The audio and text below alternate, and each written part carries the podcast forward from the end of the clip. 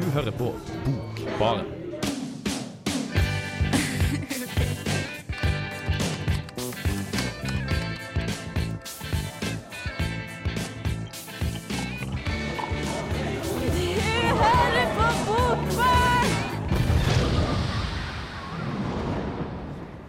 Eksistensielle kriser, eksistensiell angst, alt som har med eksistensen å gjøre, det er tema for dagens sending. Og vi har lest to av de kanskje okay, Det er jævlig mange store eksistensialister. Du har Sartre, du har eh, Dostojevskij, du har Nietzsche, du har massevis av folk. Vi har lest Kirkegård. Eller jeg har lest Kirkegård.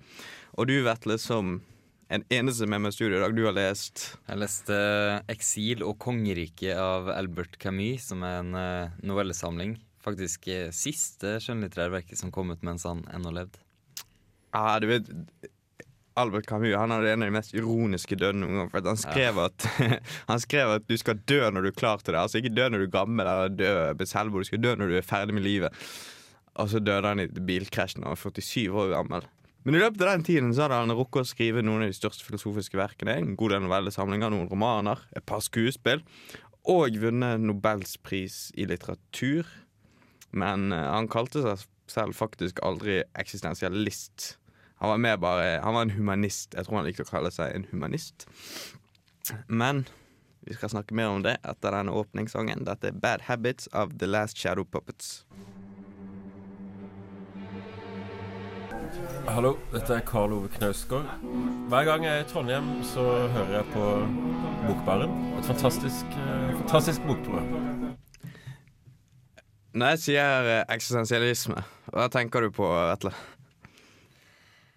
Første som umiddelbart eh, dukker opp, er en slags søken etter en mening med det hele. Mening med det hele var liksom livet, tilværelsen.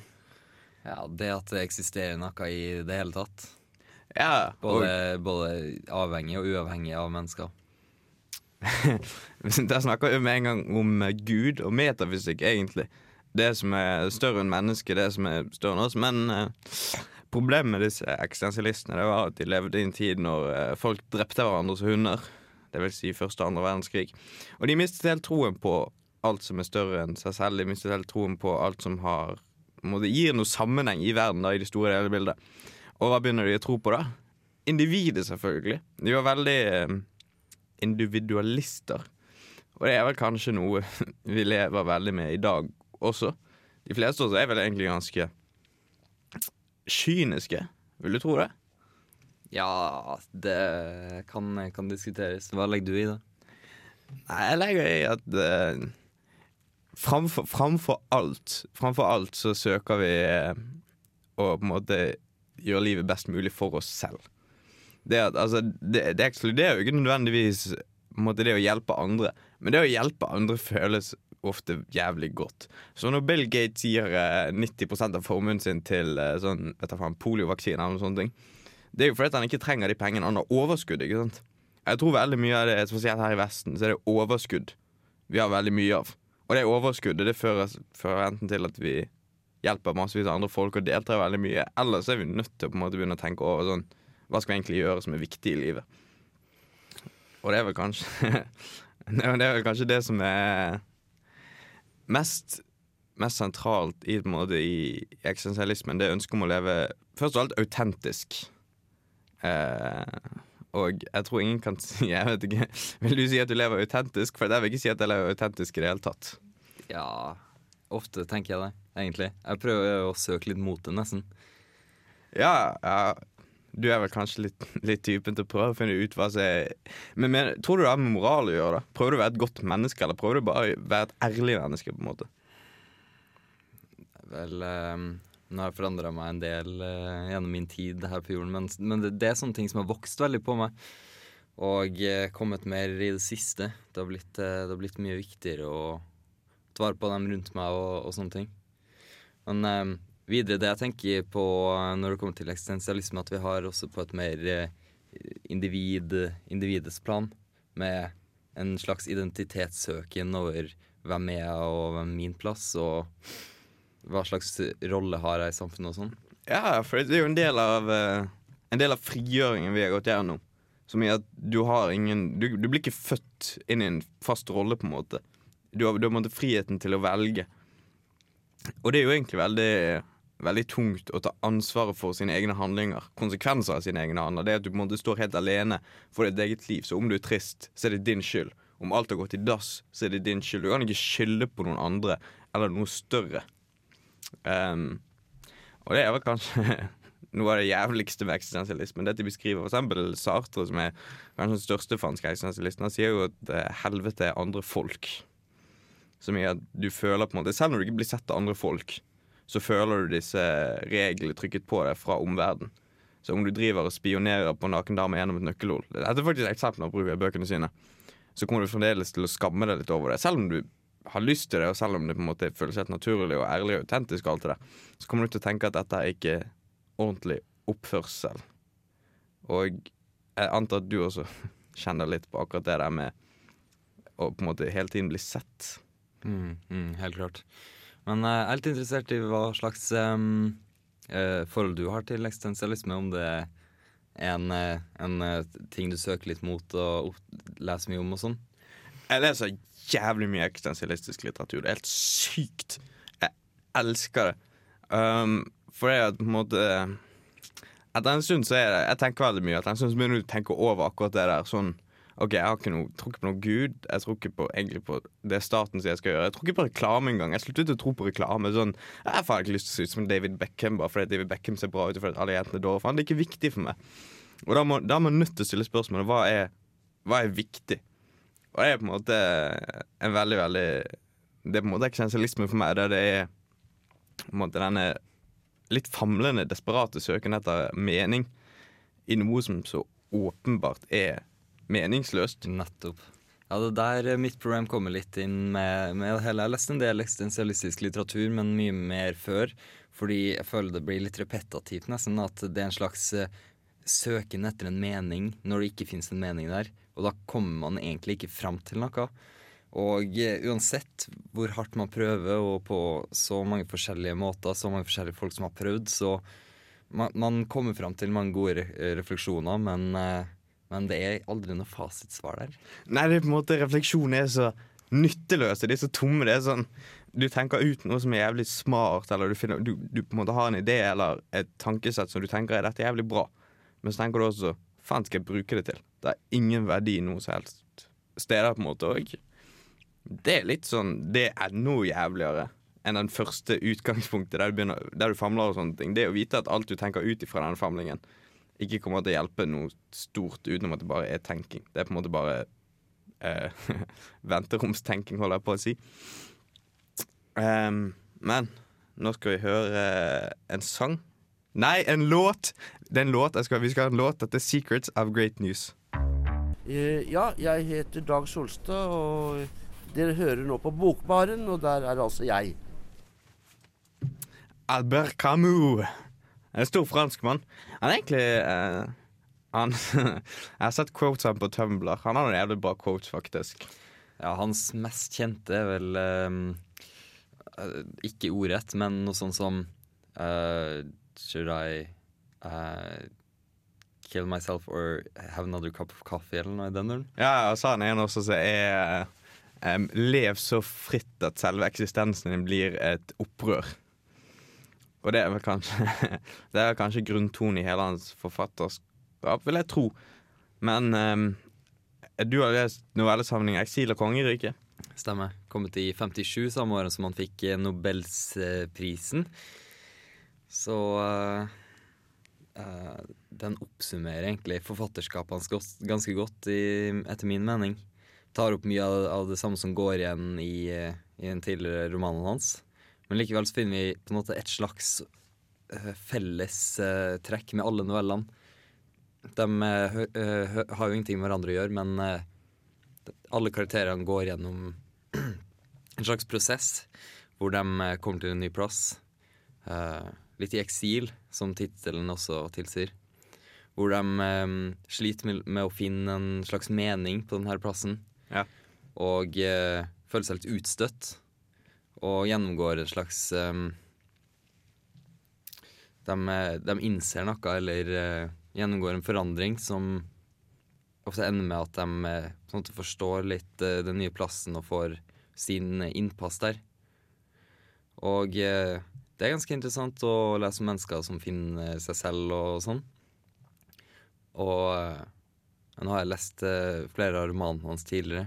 Det jeg liker med romanene, at du får gå skikkelig i dybden på én karakter. Ja. Mens her kan det fort bli litt overfladisk. Men likevel så får du frem poengene som man ønsker å få frem på mye kortere tid. Så du får ganske mye igjen for, eh, for tida du, du investerer i boka her. Og eh, spesielt om du er ny til Camus, så kan det være eh, lurt å, å kanskje starte med noe sånt som eh, en novellesamling. For å få litt eh, en slags følelse av hva er, hva er det egentlig Albert Camus har å komme med. Ja, for jeg har, jeg har også lest eh, noen romaner og den novellesamlingen, faktisk. Og jeg er veldig enig i det der med at de novellene blir på en måte litt overfladiske. De, de gjør aldri samme inntrykk på det. Det en måte, for eksempel hans mest kjente roman, eh, 'L'Estrange', eller 'Den fremmede'. Den Du sitter på en måte Du har en følelse i det etter at du har lest det. Det er en dritkort bok. Alle burde egentlig lese den. Og eh, hvordan er det han begynner? Min mor døde i går eller i forgårs, så jeg husker egentlig ikke helt ikke. Ja. Og det er på en måte Det er en person som Du, du kjenner på en måte denne absurditeten og meningsløsheten i verden som, som han følte eller mente var viktig. da Men samtidig så tror jeg at han tror mer på novellene sine. For at eh, den her første Har du lest Den fremmede? Uh, jeg har bladd litt inn. Hvilke Ja.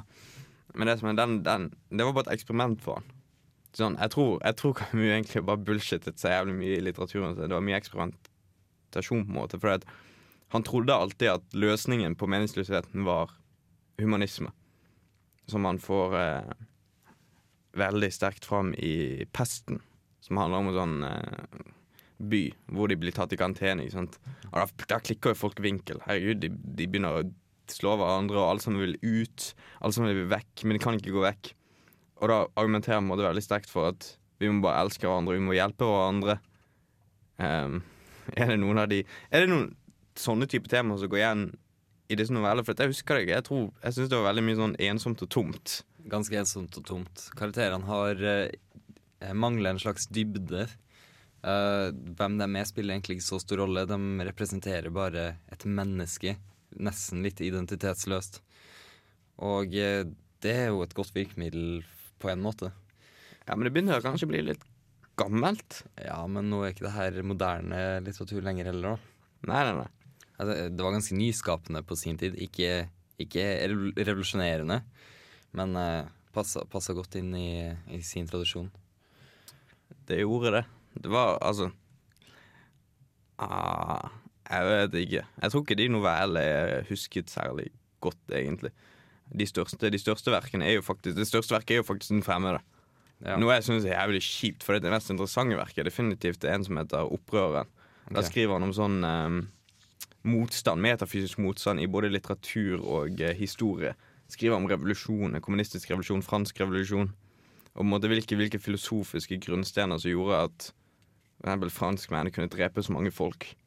Og det er jævlig interessant å lese om du aner ikke. For han, er så, han er så smart. Han er så jævlig intelligent. Han, han, han på en måte legger fram de tingene så utrolig godt. Så utrolig fint. At det er umulig ikke å være enig med han. Selv om jeg er uenig med han. Jeg liker på en måte sånn, Det er mye han sier som er feil, men det var sånn han skriver så bra at jeg greier ikke å si nei. Og det, det er ikke en følelse jeg får fra egentlig novellesamlingene eller mange av de senere tekstene hans.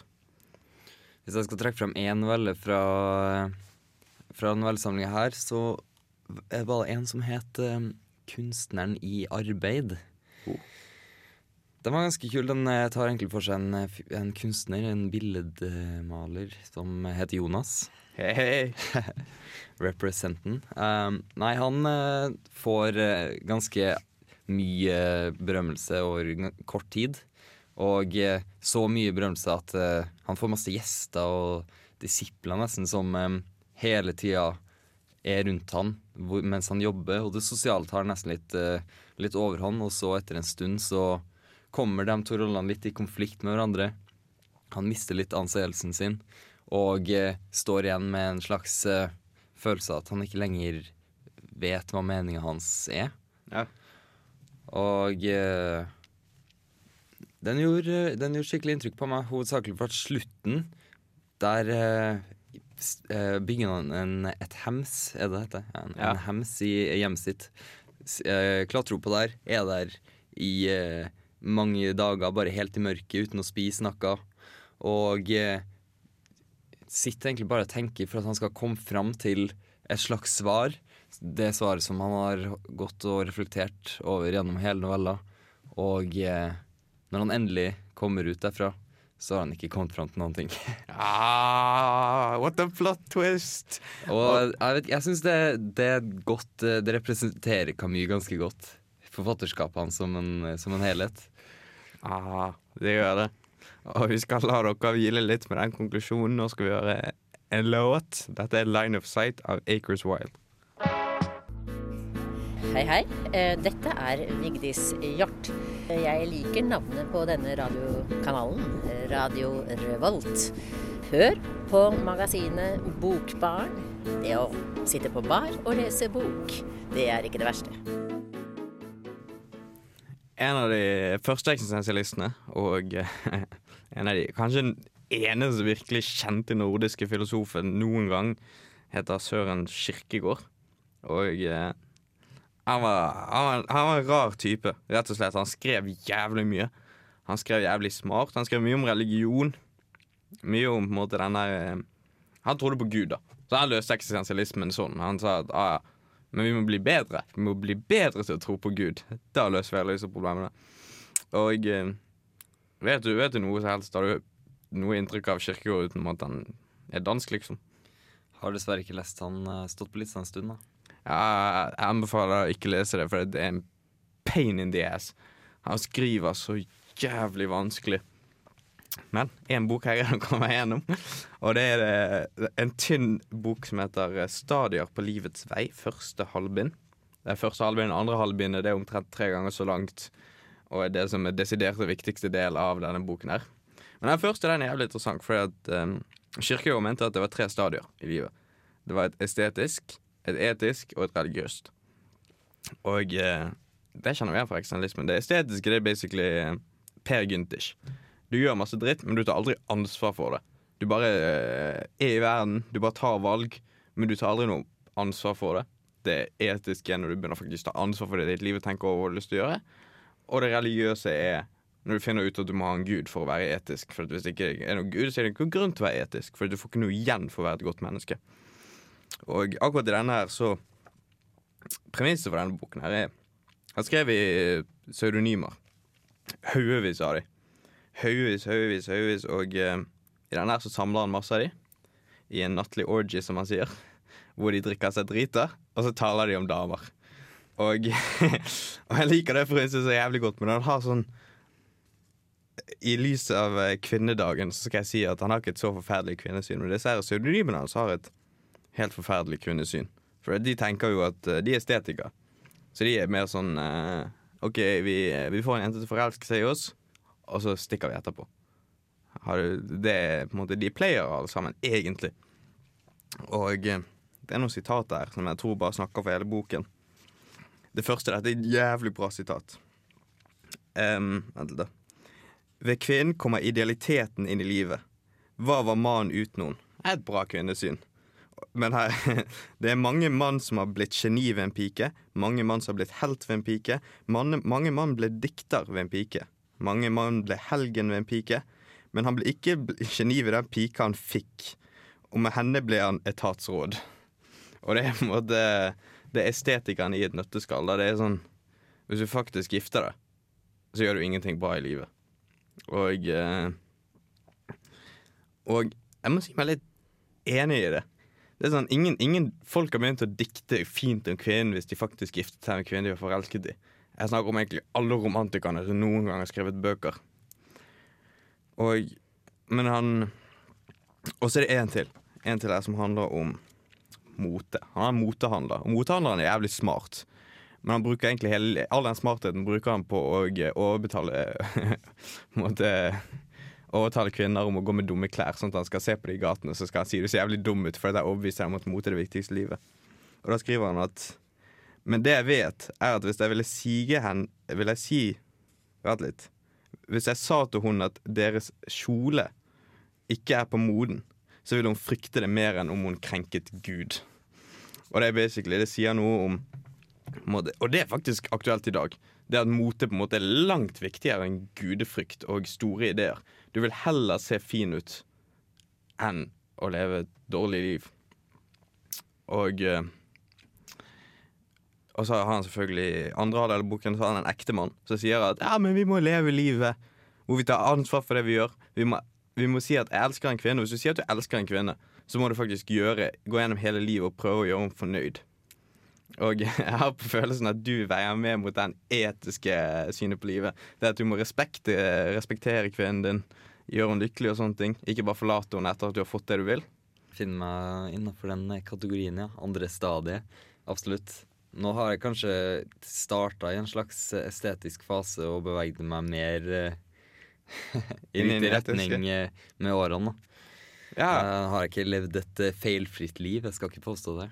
By all means. Men, eh, men det er jo viktig, da. jeg synes Jeg er mer eh, Jeg har alltid likt å kalle meg selv en estetiker. For det livet det virker mer logisk, rett og slett. Som sagt, Kirkegård trengte Gud for å opprettholde det etiske stadiet sitt. Um, men jeg har ikke noe særlig behov for Gud. Jeg tror ikke på Gud. Og da tenker jeg at hvorfor skal jeg ikke få mest mulig ut av livet mitt? Det er jo det, det, er jo det store motargumentet der. Mot å leve. på en måte Det å gå mot én ting, gå mot én retning og så holde seg til den. Hvorfor skal jeg ikke prøve mest mulig? Ja, men uh, ved å leve et litt mer etisk liv går det utover uh, hvor bra du har det. Det burde ikke nesten være motsatt. Jo Men det er faktisk eh, Jeg har et godt argument for din livsstil også. Det, det er ganske mye smart i det også. Men vi skal la det være en cliffhanger. Og så skal vi høre en låt til. Dette er 'Animal' av Antler. This is Alan Moore, and you're listening to The Book Bar. Ja, ja vi, vi er tilbake. Og eh, det jeg skulle si, det er at OK, du er litt mer etisk av deg. Prøver i hvert fall å være det. Ja, du prøver å være det. Rasjonaliteten min eh, sier at det er the way to go, men det hender jo at jeg føler en sånn eh, ambivalens eh, over det hele. Ja, og mitt, mitt syn på dette, og jeg, nå har jeg faktisk tenkt over dette og formulert det ganske bra, det er at jeg synes at det jeg gjør når jeg på en måte ikke tenker så mye det, Når jeg bare lar fornuften ligge Er ikke alt som er bra i livet ikke, Er ikke det ufornuftig, på en måte? De dummeste tingene jeg har gjort, er ofte de som er best. De som har gjort mest inntrykk. De som har ført det De, de som har endret ting, på en måte. Sånn, jeg har lyst på dynamisk Et dynamisk forhold til verden. Sånn at jeg på en måte jeg, Kanskje jeg gjør noe dumt. Kanskje jeg brenner en bro eller noe sånt. Men da har iallfall noe skjedd. Det måte Det å faktisk være fornuftig hele tiden, det er jævlig kjedelig. Det var kanskje mitt største problem. Jeg synes det virker jævlig kjedelig. Og kan du se deg litt enig i at det på en måte Det er fint, det er deilig, men er det ikke litt kjedelig? Egentlig ikke. Jeg foretrekker å ha det, ha det behagelig og trygt, egentlig, heller enn eh, jeg, jeg kan heller oppleve ting som gir meg veldig masse fine ting, uten å gjør uh, urasjonelle valg som Ja. føler med seg negative konsekvenser. Det er sant, det. Og det, det mente Kirkegård også. Han sa at alle estetikere, alle folk som lever litt sånn uten å ta noen valg som har noe særlig konsekvens for livet sitt, så måtte, all, så måtte de endre Jeg tror jeg mener at de endrer veldig mye rundt seg, men de endrer aldri seg, seg, eh, selv. De får veldig mye inntrykk, men de inntrykkene gjør egentlig ikke inntrykk i det lange, lange løpet. Man har jo litt lyst på sånne, sånne livshendelser som varer, som lingrer litt. Som måtte hvis du møter ja, nå snakker jeg om det, hvis du møter en jente som på en måte gjør jævlig inntrykk på deg, så har du nesten automatisk lyst til å holde på henne. Eller hvis du møter en jævlig god venn, eller hvis du på en måte gjør, driver med sport, eller sånt, en sport som du liker jævlig godt, så har du lyst til å holde på det. Men jeg tror det, det argumenterer eller sier, er at på en måte, du blir lei av det etter hvert. Det blir på en måte sirk, veldig sirkulært. Du blir, måte, du blir vant til det. Og alt du blir vant til, det blir en vane. Og vaner har du ikke noe spesielt forhold til. Det er bare noe du gjør. på en måte Det blir noe veldig automatisk over det. Ja, hvis du tenker på f.eks. jenter, sånn som du var inne på tidligere, da, eller et forhold, Trenger ikke være jente nødvendigvis, men Ja, eh, vi åpner for alt her. eh, i, i forhold og sånn, selv om eh, dere har vært sammen over, over lang tid, så trenger det ikke nødvendigvis å bli repetitivt og vanedannende og, og, sånn. Hvis da du gjør en innsats med å hele tida vokse sammen og fornye det og gjøre en innsats for at eh, eh, dere skal oppleve nye ting sammen og sørge for at det ikke blir kjedelig, rett og slett. Og det er faktisk et jævlig smart svar. Helvete. Det er jo det, er jo det, det, er jo det som er drømmen, da. Det er på en måte det å møte noen du kan ha i livet ditt, og så fremdeles ikke stoppe opp som person. Det er på en måte stadig vokse. Et forhold skal jo ikke begrense deg, det skal by på Det skal- Det skal utfordre. Ja, nettopp. Og eh, det var jo et problem, for Kirkegård, i motsetning til veldig mange andre, i motsetning til oss også egentlig, det er at Eller faktisk ikke i motsetning til oss, er at han levde gjennom alle disse stadiene. Han var sånn litt sånn omflakkerende. I begynnelsen så gjorde han et valg. Han valgte filosofien, da. Han sa at eh, Jævlig sa, sa Nå står jeg på en sånn vei ute i skogen, og jeg kan velge enten fortsette sånn som jeg har levd, og bare leve livet, eller så kan jeg velge å gjøre et aktivt valg. Sånn, det, det, det er på en måte forskjell mellom det positive og det negative valget. Og for han så betyr det at for eksempel Sokrates tok et negativt valg når han sa at 'jeg vet ingenting'. Alt han gjorde, var å forklare rundt i eh, Grekland, holdt jeg på å si, Hellas, og snakke med folk og kødde med dem. Mens han mente at det er et negativt valg, for da er du alltid i spenning. Er en måte, krever du alltid noe nytt. Mens det å ta et positivt valg, da finner du et, måte, et svar som gjelder lenger enn bare akkurat i øyeblikket. Og det er på en måte jeg tror, det, jeg tror det er noe alle mennesker gjør etter en stund. For hvis du lever på en måte som sagt, i spenning hele jævla tiden, så går det utover deg. Etter en stund så, så går det i dass med deg. Og da finner du ut at da må jeg gjøre en endring. Og for de fleste så er jo dette her i, i virkeligheten, og ikke i bøkene, så er jo dette psykolo psykologisk nedbrudd, sånn nerveutbrudd, hvor du bare klikker helt vinkel og ikke takler presset lenger. Og så bestemmer du deg for å gjøre noe ordentlig med livet ditt. Jeg tror, jeg tror alle etter en stund kommer fram til uansett hvem du er, så kommer du fram til at det er sånn som er best å leve. Så i den forstand så vet jeg innen fornuftig sett at jeg kommer til å etter en stund slå meg til ro og leve et liv som på en måte er valgt kanskje litt fornuftig, kanskje litt ikke like spennende, men på en måte er bedre, da. Som føles bedre. Så det gjør det Slipper å stadig søke ut nye ting, eller slipper, slipper å tenke litt. Selv om jeg elsker å tenke, så er det også jævlig deilig å, på en måte, den tanken om å ikke tenke også. Uansett hvor paradoksalt det må høres ut. Jeg tenker at det etiske krever en viss estetikk også. Litt på samme måte som at eh, kirkegård krever eh, det religiøse, hvis at uh, det etiske skal bety noe. Ja. For at um, Det er faktisk en jævlig interessant historie. Han, uh, han var forlovet med Regine Olsen. Så, for han var det perfekt. Men han visste grunnen til at han uh, brøt den forlovelsen, det var fordi han visste at han tenker At tankene hans måtte er jævlig negative. Som gjør at hver gang han ikke er med den damen, så kontemplerer han alt. Han tviler på alt. Han tvilte alltid. Så han ble aldri kvitt det der ubehaget av å tvile på valgene han hadde gjort. Og så tenkte han, hvordan, hvordan kan jeg på en måte lyve Han løy jo egentlig på en måte til regimet når han ikke sa at han tvi, tvilte på forholdet. For han ville så veldig gjerne at det skulle være perfekt, at det skulle være rolig, at det skulle være kvittet med all tvil. Og så greide han, han greide ikke den motsetningen inni seg selv, den der mellom tvil og idealisme. Så han bestemte seg for å bryte det av. Og det var først da han fant ut at oi shit, vi må ha Gud. Vi må ha en religion. Vi har noe på en måte som lærer oss at du trenger ikke å tvile. Noen ganger så må du bare hoppe over all den tvil og faktisk tro. Take a leap of faith, rett og slett. Og eh, kjenner, kjenner, jeg kjenner meg i hvert fall igjen i akkurat det der forskjellen mellom den indre tvilen og den på en måte ytre eksterne troen på ville tro på noe, da. Kan du, kjenner du deg igjen i det? Eh, ja, en, på, på en måte, men på en litt, litt annen måte. Jeg vet ikke, jeg tenker I stedet for eh, med det religiøse, så har jeg bytta det ut med en slags um, ideelle i mitt liv. Det jeg på en måte strever mot, målene jeg satte satt meg, og hele grunnen til at jeg velger å fortsette å leve, egentlig. Hvis jeg bytter ut det med det religiøse Kirkegård har funnet seg fortrolig med, så er det, er det på en måte det som um, gjør det etiske nødvendig, da. Ja, er klar til å henge på det. ja jeg, klar, jeg klarer å henge på det. det er, altså, Gud og religion i kirker og sånne bøker er jo ikke Gud og religion i tradisjonell forstand. Det er ikke, det er ikke dogmatisk, på en måte. Det er ikke riter eller noe sånt. Det er på en måte en, ekt, en klippe. En ekstra støtte. Så du, måte, du trenger noe å tro på utenom livet ditt. Rett og slett for å på en måte kunne opprettholde et, en sånn type livsstil. Du må, jeg tror faktisk du må ha noen langsiktige mål. Om det er å bli eh, komme innenfor et visst yrke eller ha et visst liv, eller om det er å komme til himmelen uten synd. Det er på en måte, Psykologisk sett det er det samme ting. Det å vite at du jobber mot noe, det er at du strever mot noe. Du må ville noe, rett og slett. Og det er på en måte Jeg tror det er den mangelen på vilje. Du, i en verden uten mening så kan du ikke ha noe vilje, for alt er meningsløst. Alt sammen er likt. Det veldig, jeg tror det er det som er grunnlaget for all eksistensialisme. Det er denne ambivalensen mot hva skal jeg ville. Ingenting er nobelt å ville. Ingenting er bedre å ville enn noe annet.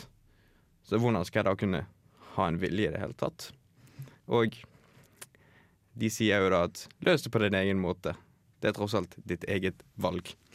Men nå skal vi høre en låt til. Dette er Reminder av Moderat. Jeg heter Anne B. Ragde og er forfatter. Og når man er forfatter, så hører man selvsagt på Bokbaren så ofte man har anledning. Ja. Um, nå begynner vi å nærme oss slutten, og jeg er ikke sikker på om vi har noe eh, Det er jævlig vanskelig å konkludere dette. Det kan egentlig ikke konkluderes i noe som helst. Men, men det jeg egentlig lurer på, er Er det verdt å lese noe av dette? Sånn, mindre du er jævlig glad i å tenke sånn som, eh, som tydeligvis Som jeg tror vi i Bokbarn bare generelt er jævlig glad i å tenke og nye, eh, finne nye fenomener og sånne ting. Er det, er det noe sånn litteratur du bør lese i hverdagen? For jeg tror egentlig ikke at det er Ja, Hvis at du er interessert i uh, litteratur som får deg til å tenke heller enn å føle. Uh, I hvert fall min oppfatning av uh, Nå, nå har jeg ikke lest Kirkegård, da, men i hvert fall Camus. Og uh, ja, enhver som er over gjennomsnittet interessert i litteratur, burde ha kjennskap til han. Ja. Uh, Men uh, nå sier jeg ikke at man nødvendigvis må uh, bla gjennom eh, alle bøkene hans, men eh, i hvert fall plukke opp, eh, plukke opp en bok og se hva du syns. Ja, du, det kan jeg si. Jeg tror eh, de fleste eksistensialistene skrev jo skjønnlitterære bøker. Altså deres eh, filosofiske verker, som for eksempel eh, 'Being in Nothingness' av Sartre og eh, Jeg vet ikke hva, hva Heidegger sin heter, men de er jo anerkjent for å være nesten umulig å forstå. Så på en måte eh, Filosofien som ligger til grunn for eksistensialismen, om det er Kirkegård eller Nietzsche eller Sartre eller Heidegger eller hva faen du har lyst til å lese, eller Camus Jeg vil ikke anbefale noen å lese det uten å ta et kurs på universitetet eller noen sånne ting. Og selv da så vil jeg ikke anbefale noen å lese det, for hvis du forstår det, så kommer du mest sannsynlig til å kvitte deg med noen livsløgner. Bli litt sånn eh, Tvile. Du kommer sikkert til å eh, bli litt desperat i tankene, dine. Du begynner å famle. Hvis du har lyst til å famle, og hvis du har lyst til å uh, føle litt på meningsløsheten i tilværelsen, så sier jeg vær så god, les noe av dette. Hvis du har lyst til å leve et bra liv, så anbefaler jeg deg å ikke gjøre det før du er 40, når du kommer i midtlivskrisen uansett, og det er disse tankene som dukker opp. Og, eh, og så er det, må jeg si at i morgen så har jeg og Johannes et opplegg på Samfunnet. Vi skal snakke med Helene Uri. Og eh, du, du vet det er vel kanskje ikke så kjent med Helene Uri? Nei, bortsett fra at mamma har skrytt eh, av uh, av henne, så har jeg ikke lest noe selv, nei. Nei, og det er mammalitteratur. Det, Det er så most deaf mammalitteratur. Det er chicklit pluss pluss. Det er ikke sånn, det er ikke sånn tradisjonelt chicklit. Men det er på en måte det, det handler om samme ting. For eksempel eh, kjerringer handler om folk som i en sånn syklubb så driver og bitcher over hverandre fordi at de har drept en katt. Og så driver de baksnakker hverandre. Det er mye baksnakking, det er mye sånn ondskap, mye kvinnelig ondskap. Um, den boken jeg har lest, Rydde ut, den handler om en uh, dame, Elinor, som er deprimert. Og som reiser Hun har nettopp slått opp med kjæresten sin, selvfølgelig. Hun har lyst på barn, selvfølgelig. Hun reiser opp til Finnmark for å snakke om samer, for å skrive en doktorgradsavhandling, noe som er litt rart. Og der møter hun selvfølgelig en mann som bare har lyst til å være en fuckbuddy, men hun blir forelsket. Oh my god. Og eh, det er litt sånne type temaer som blir tatt opp i de bøkene. da. Men jeg tror, jeg tror det kommer til å bli interessant å snakke med henne. Hun virker som en ganske grei eh, Og ikke sånn ikke, en smart dame på, på, en måte, på et sosialt nivå, nesten. Hun er veldig flink til å beskrive sosiale situasjoner som vi alle kjenner oss igjen i. Litt sånn det vi alle gjør som vi ikke liker å snakke om, som baksnakking og eh, hat og sjalusi. Men det var det vi hadde for i dag. Eh, ha det bra. Takk til radiotekniker Fredrik. Takk til deg, Vetle. Vi snakkes. Det gjør vi. Vet du at jeg ser på, jeg gransker deg